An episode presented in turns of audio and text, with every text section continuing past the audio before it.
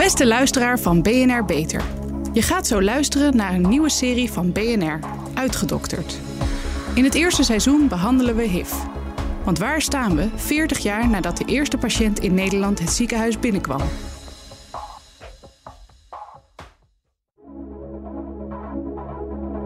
Zeg maar de jaren 90 was, was voor mij wel een soort van dans op de vulkaan. Wow, wat was dat gek. Het is je leeftijd, hè? je bent nee, maar ontdekken en open en bloot en, en nou ja, weet ik veel. En vrijheid en blijheid.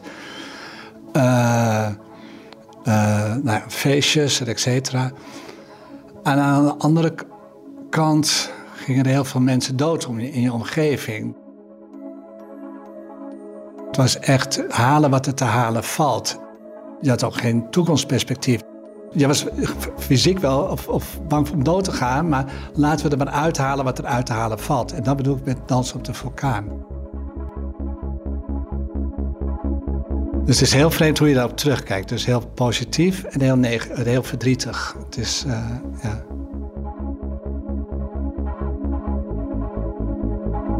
Ik werkte eerst in een, in een populaire horecabar. Dat was daar een slagveld.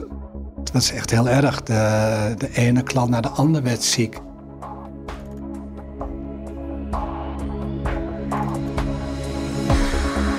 Dit is uitgedokterd HIV. De hemel kan wachten. De podcast over 40 jaar HIV in Nederland. Mijn naam is Angela Groothuizen. En ik ben Loise Lamers. Het is nauwelijks voor te stellen wat het met je leven doet als je halve vriendengroep ziek wordt en doodgaat. Voor veel homoseksuelen die jong waren in de jaren 80 en 90 was dit helaas wel de realiteit. En dat terwijl ze net uit de kast konden komen. Dit is aflevering 2. Magerijn komt het feest verstoren.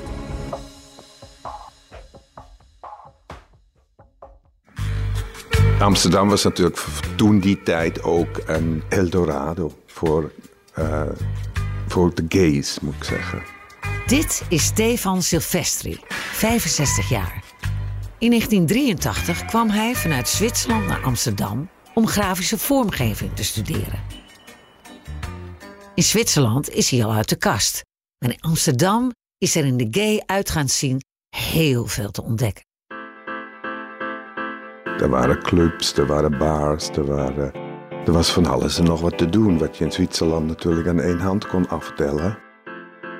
Het was ruig en het was wild op een of de andere manier. En het was. Uh, uh, ja, hoe moet ik zeggen? Sexy. Erotisch. Ruig, omdat je had toen bijvoorbeeld de Wells Fargo. Dat was echt nog zo'n saloon à la Wilde Westen. En daar kwam je gewoon om eh, een biertje te drinken, maar je had ook een darkroom. Nou ben ik zelf niet zo'n darkroombezoekers, maar ik vond het wel heel erg leuk om in die, in die omgeving uh, uh, te ontdekken. Wetenschapper en socioloog Laurens Buis doet onderzoek naar homoacceptatie in Nederland. Hij vertelt over die roerige jaren tachtig. Het was eh, in de jaren tachtig in Nederland heel moeilijk voor homo's. Uh, we hadden in ieder geval de seksuele revolutie gehad. Dus er was een opening gecreëerd, met name door de jeugd. Hè, die in de slipstream van het feminisme en van het socialisme kwam er ruimte voor uh, ook seksuele diversiteit. En voor homomannen en lesbische vrouwen was het op dat moment nog vooral. En biseksuelen. Maar dat was heel beperkt. Dus er waren plekken in Nederland waar daar plek voor was. Met name in de grote steden werden er bubbels gecreëerd waar hier ruimte voor ontstond. Uh, maar als je daar buiten kwam, was het echt mis. Dus op scholen, op werkplekken, ook in het leger bijvoorbeeld, was het verboden om homo te zijn. Uh, op veel werkplekken was het verboden. In de politie kon nog niet openlijk homo zijn en bij de politie werken. Het, vaak ook het uit de kast komen betekende toch een breuk met je familie. Tijdelijk vaker in de praktijk, maar toch wel zo erg werd erop neergekeken door de familie dat homo's toch vaak een tijdje dan bijvoorbeeld in Amsterdam gingen wonen. elkaar, eigenlijk zeg maar, gingen, ja, elkaar gingen opzoeken hè, in een soort roze bubbel. Dus um, dit is een, dat was een moeilijke tijd. Ook Erwin van Renen, nu 64, leeft er in die tijd flink op los. Als geboren Amsterdammer krijgt hij weinig problemen als hij uit de kast komt. Hij voelt zich als een vis in het water in het uitgaansleven. Hij gaat werken in een gaybar, type bruine kroeg, en later opent hij zijn eigen homocafé. Ja, je moet voorstellen, het, alles ging vroeger veel meer uh, in het geniep, zeg maar. Hè? De, dus elke gaybar, je zag er niet zo van buiten af. Uh, je had overal portiers staan, hè? of die paar bars die er waren, er stonden portiers. Uh, of het was aanbellen, of de gordijnen waren gesloten. Je kon niet, het was niet open, je kon niet naar binnen kijken. Eindelijk was daar die openheid. Dat het, de, de gordijnen gingen zeg maar open, de portiers gingen weg, je kon in en uitlopen. En het werd echt, Amsterdam vond ik echt wel een feestje toen. En opeens komt HIV komt, uh, Nederland binnen. Ik was uh, toen net begonnen als assistent in opleiding tot internist in het Onze Lieve Vrouwengasthuis in Amsterdam. Dit is Pieter Rice. Ik had dienst uh, een avond op de, op de eer, voor de eerste hulp ook. En zag daar toen een, ik dacht dat hij 17 of 18 jaar was, ieder geval jonge man uh, met bepaalde symptomen. Uh, had bijvoorbeeld schimmel in zijn mond, hij had herpes rond zijn anus, hij had koorts, hij had gezwollen lymfklieren. En dat hele complete beeld, dacht ik, dat heb ik net gelezen in een van de bekende internationale medische vakbladen, waar een beschrijving van een aantal homoseksuele mannen stond met bepaalde symptomen. En voor mij was het 1 en 1 is 2. Uh, jij hebt dat. Uh, dat, is, dat is eigenlijk voor mij uh, het begin geweest. En dat, dat is inderdaad achteraf hebben we ook kunnen aantonen dat hij jaren later aan, aan opgeslagen bloedmonsters, dat hij inderdaad met HIV besmet was. En achteraf kun je zeggen dat dat in Nederland de eerste persoon is geweest. Uh, eigenlijk nog een, een klein half jaar eerder dan, de, uh, dan dat in 1982. Dit was eind 1981. In april 1982 werd in het AMC bij een patiënt echt aids vastgesteld. Zijn collega-internist is Sven Danner. Misschien is het goed om heel even kort te schetsen hoe die ziekte gaat. Je wordt dus geïnfecteerd met een virus. Daar hoef je niks van te merken van die infectie. Sommige merken, mensen merken het als een soort griep, maar dat gaat weer snel over. En dan de tijd daarna, en dan praat ik over echt een aantal jaren, dan eh, is dat virus actief in jouw lichaam zonder dat je het merkt, maar het breekt langzaamaan jouw afweercellen af. En aanvankelijk merk je er ook niks van. Je hebt een behoorlijke overmaat aan afweercellen. Totdat jouw afweer zo slecht wordt dat allerlei eh, virussen, bacteriën, schimmels, enfin micro-organismen waar wij normaal geen last van hebben, die allemaal op en on, rondom ons zitten of in ons zitten, waar we nooit last van hebben, die krijgen hun kans als je maar geen afweer hebt. Dat zijn zogenaamde opportunistische infecties. Infecties die alleen maar er zijn als, als echte opportunisten de kans krijgen. En dan ga je het merken. Dus van de infectie hoef je niks te merken. Van de gaandeweg de afbraak van je afweersysteem hoef je niks te merken. Pas als al die andere infecties komen, dan word je ziek. En uh, dat is dus wat we ook zagen. We zagen mensen met de meest gekke infecties. Kom bijvoorbeeld beginnen met een longontsteking. En als het lukte om iemand dat te doen overleven en op te knappen, dan kwam er bijvoorbeeld een hersenvliesontsteking. Erwin ziet hetzelfde in de kroeg waar hij werkt. Dat was daar een slagveld. Weet je, echt, was echt heel erg. De, de ene klant naar de andere werd ziek. Um, ik zei niks over mezelf daar. Ook omdat het gewaar En ik werkte in een bar. Ik denk, ja, er blijven misschien ook klanten weg. Bang dat, ze, nou ja, eh, dat je de besmetting over, de infectie overbrengt. Ik weet nog wel, er kwam een keer iemand naar me toe ook van. was een van mijn eerste die openlijk tegen me zei dat hij, dat hij dan heeft had. En zat huilend aan de bar. En toen had ik echt zoiets van: God, ik kon zeggen van. Ik heb het ook. Weet je, je staat er niet alleen in. En dat vind ik heel erg dat ik dat niet heb gedaan. Uh, ook bang dat ja, de, de, andere klanten het zouden horen of dat het gerucht de ronde inging. Uh, dat vond ik heel erg moeilijk. Dat, dat is. En dan zag je steeds vaker zag je jongens binnenkomen die. Uh, en dan de Ewig Goddelroos en andere, weet je, de uiterverschijnselen van, van HIV. Dat echt zag je steeds vaker. En op een gegeven moment werden mensen ook zo brutaal om een glas water te vragen om een medicijnen in te nemen. Want dat was wel een heel strak regime. Ja, dat was vreselijk. Dat was, uh, en veel, ja, veel gingen toen ook dood. Dus, uh,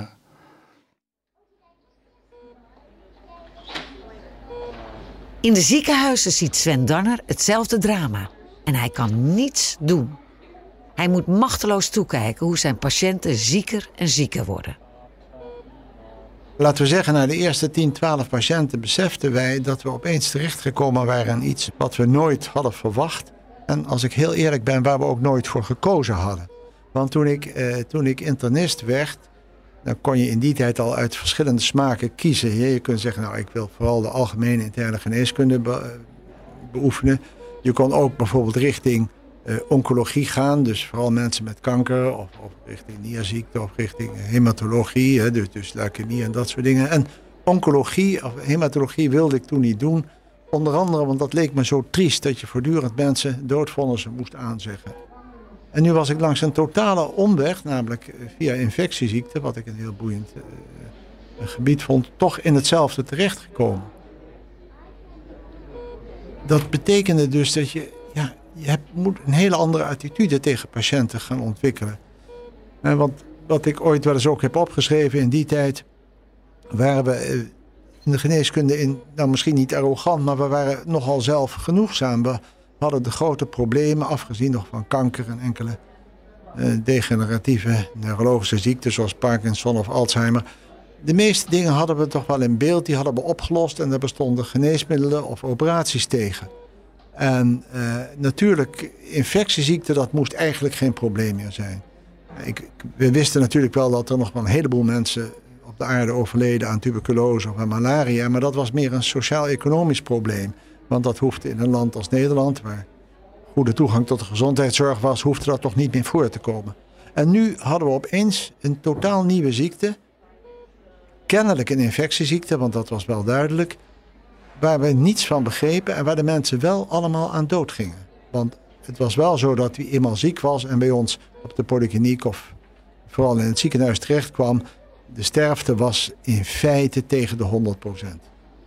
En uh, niet direct. Soms hadden ze een infectie waar we nog wel antibiotica tegen hadden. Konden we een tijdje behandelen, maar dan kwam er wel weer iets nieuws. Tot er een micro-organisme kwam waarvoor we niks hadden. En dan gingen ze daaraan dood. En dat betekende dus dat je op een hele andere manier met je patiënten omging. Want wat had je ze eigenlijk nog te bieden? Je had ze uitstel te bieden. Je had ze wat verlichting van pijn te bieden.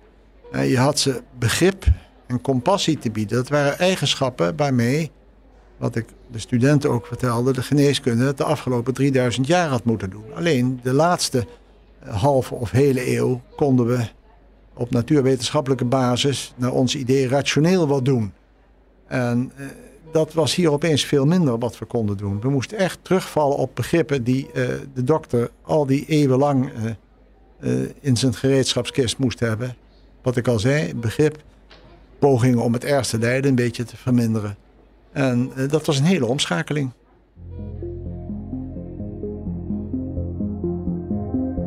De aantallen lopen op. De ziekte eist vele slachtoffers. Het raakt grote groepen mensen die soms meerdere vrienden per maand moeten begraven. Je hoort Reina Foppen, die sinds de begin jaren 90 HIV-activist is. Dat was echt niet normaal. Dat was, soms was het wel drie per maand. En dan een hele tijd niks. Maar echt verschrikkelijk. Niet voorstelbaar. Echt tientallen soms per jaar. Ja, hoe deelde je daarmee? Jeetje, Mina.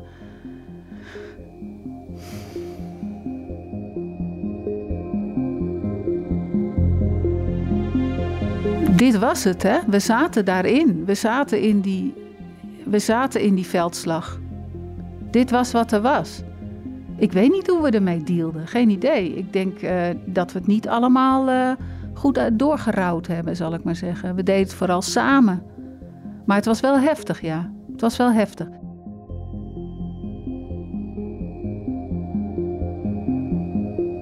Het ene jaar, het andere niet. De ene maand was de andere niet. Maar soms had je echt. Soms had je van die periode dat je echt dacht: Nou, nou moet je ophouden. Nu is het niet leuk meer. En dan ga je naar zo'n begrafenis. Ehm, ja, en dat is, dat is anders dan wanneer je, je oma doodgaat. Dat is anders. Daar zitten allemaal jonge mensen eigenlijk. En uh, daar zijn foto's van, van iemand die jong is, of daar is muziek van iemand die jong is. dat is niet de, het requiem van Mozart.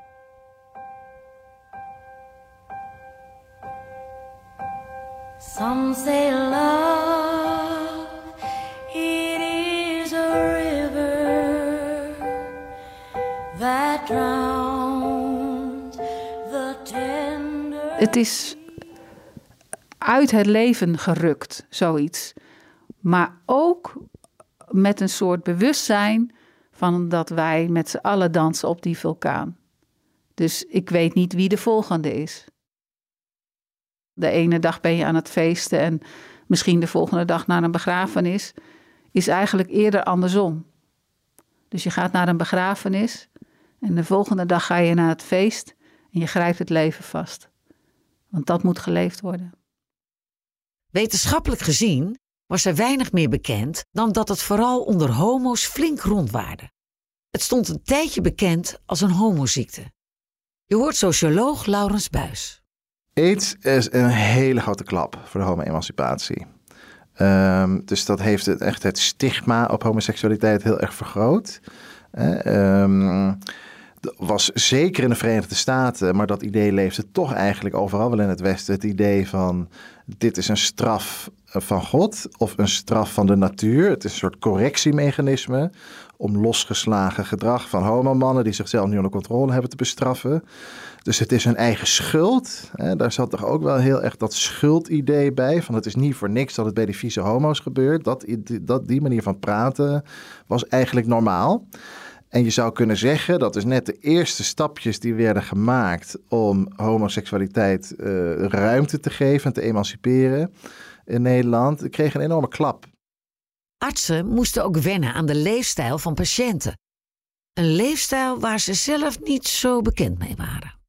In ieder geval de homoseksuele mannen die in het begin getroffen werden, dat waren niet, niet eens de gemiddelde homoseksuele man, dat was de uitgesproken, om het naar woord promiscuur dan even te gebruiken, promiscuur homoseksuele man. De man die uh, echt er vooruit gekomen was, die van het leven wilde genieten en die een levensstijl had die uh, de niet-homoseksuele dokter in het algemeen vrij vreemd was. En dat was mij ook. Ik wou overal begrip voor hebben, alleen het was wel een nieuwe wereld voor mij. Ik herinner nog dat uh, ik op een gegeven moment uh, geconfronteerd werd met het begrip fistfucking, waar ik nog nooit van gehoord had natuurlijk. En wat wij dachten, dat dat een belangrijke rol speelde. Want wij dachten dus dat seksuele technieken ertoe deden uh, dat sommige je kans op infectie vergroten. En bij fistfucking kun je je natuurlijk wel voorstellen dat je meer wondjes maakt, dus dat makkelijker slijmvlies beschadigd wordt. En dus dat dat de kans op infectie vergroot. Kortom, als wij een nieuwe patiënt hadden, dan uh, behoorde het tot ons standaardarsenaal ook om naar dit soort dingen te vragen. Daar moesten we wel even aan wennen. En ik zal nooit vergeten dat ik bij een wat oudere man, die wij verdachten dat hij ook met deze infectie te maken had, moest vragen of hij ook aan fistfucking deed. En ik dacht dat ik dat op een normale manier aan hem vroeg. Maar die man die keek me even schattend aan, begon te glimlachen en zei: Valt niet mee, hè, dokter? Het helpt niet dat de media steeds hetzelfde beeld van de patiënten naar voren brengt. Iedereen kan zich het optreden van René Klein bij Paul de Leeuw herinneren. Blue, stay with you.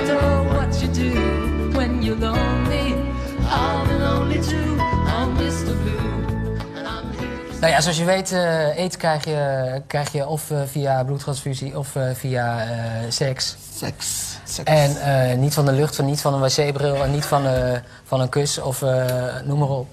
Dus ja, ik, en ik, ik, ja, ik heb altijd wel ja, Seks was voor mij een seks, liefde, ingecombineerd met liefde. Is voor mij altijd een hele belangrijke uitdrukkingsmogelijkheid geweest. Heb je het veel gedaan? Nee, maar dat nou. nou, ik niet. Nee, ik, moet eerst zeggen, ik, weet, ik, wist, ik was... eh, Wat is veel? nou, zes keer in de week. Nou, Deze enge, nieuwe ziekte krijg je dus van seks. En AIDS-patiënten zien er doodziek, uitgemergeld en bleek uit. Dat was wat mensen wisten van AIDS. Maar het label van zielige jongens? Daar zitten de vrijgevochten homo's niet op te wachten. Ze komen samen en gaan zich bemoeien met politiek en de publieke opinie.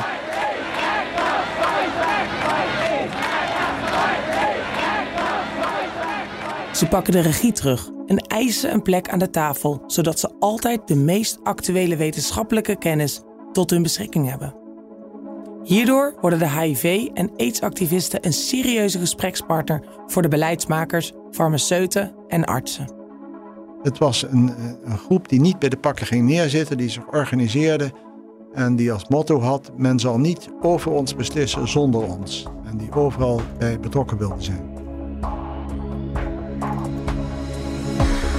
Dit was uitgedokterd. HIV. De hemel kan wachten. De podcast over het Robijner jubileum van HIV in Nederland. Deze productie is gemaakt door BNR Nieuwsradio. Mogelijk gemaakt door VIV. De sponsor heeft geen invloed op de inhoud of sprekers van de podcast. Redactie Sterren ten Houten de Lange. Bijgestaan door Emma Wouters. Montage en eindmixage Wesley Schouwenaars. Muziek Klaas Olijnsma. Eindredactie Wendy Beenakker. Je hoorde Erwin van Renen, Stefan Silvestri, Laurens Buis, Pieter Rice, Sven Danner en Reina Foppen. Deze podcast wordt mede mogelijk gemaakt door VIF Healthcare. VIF Healthcare. Totdat HIV en AIDS er niet meer zijn.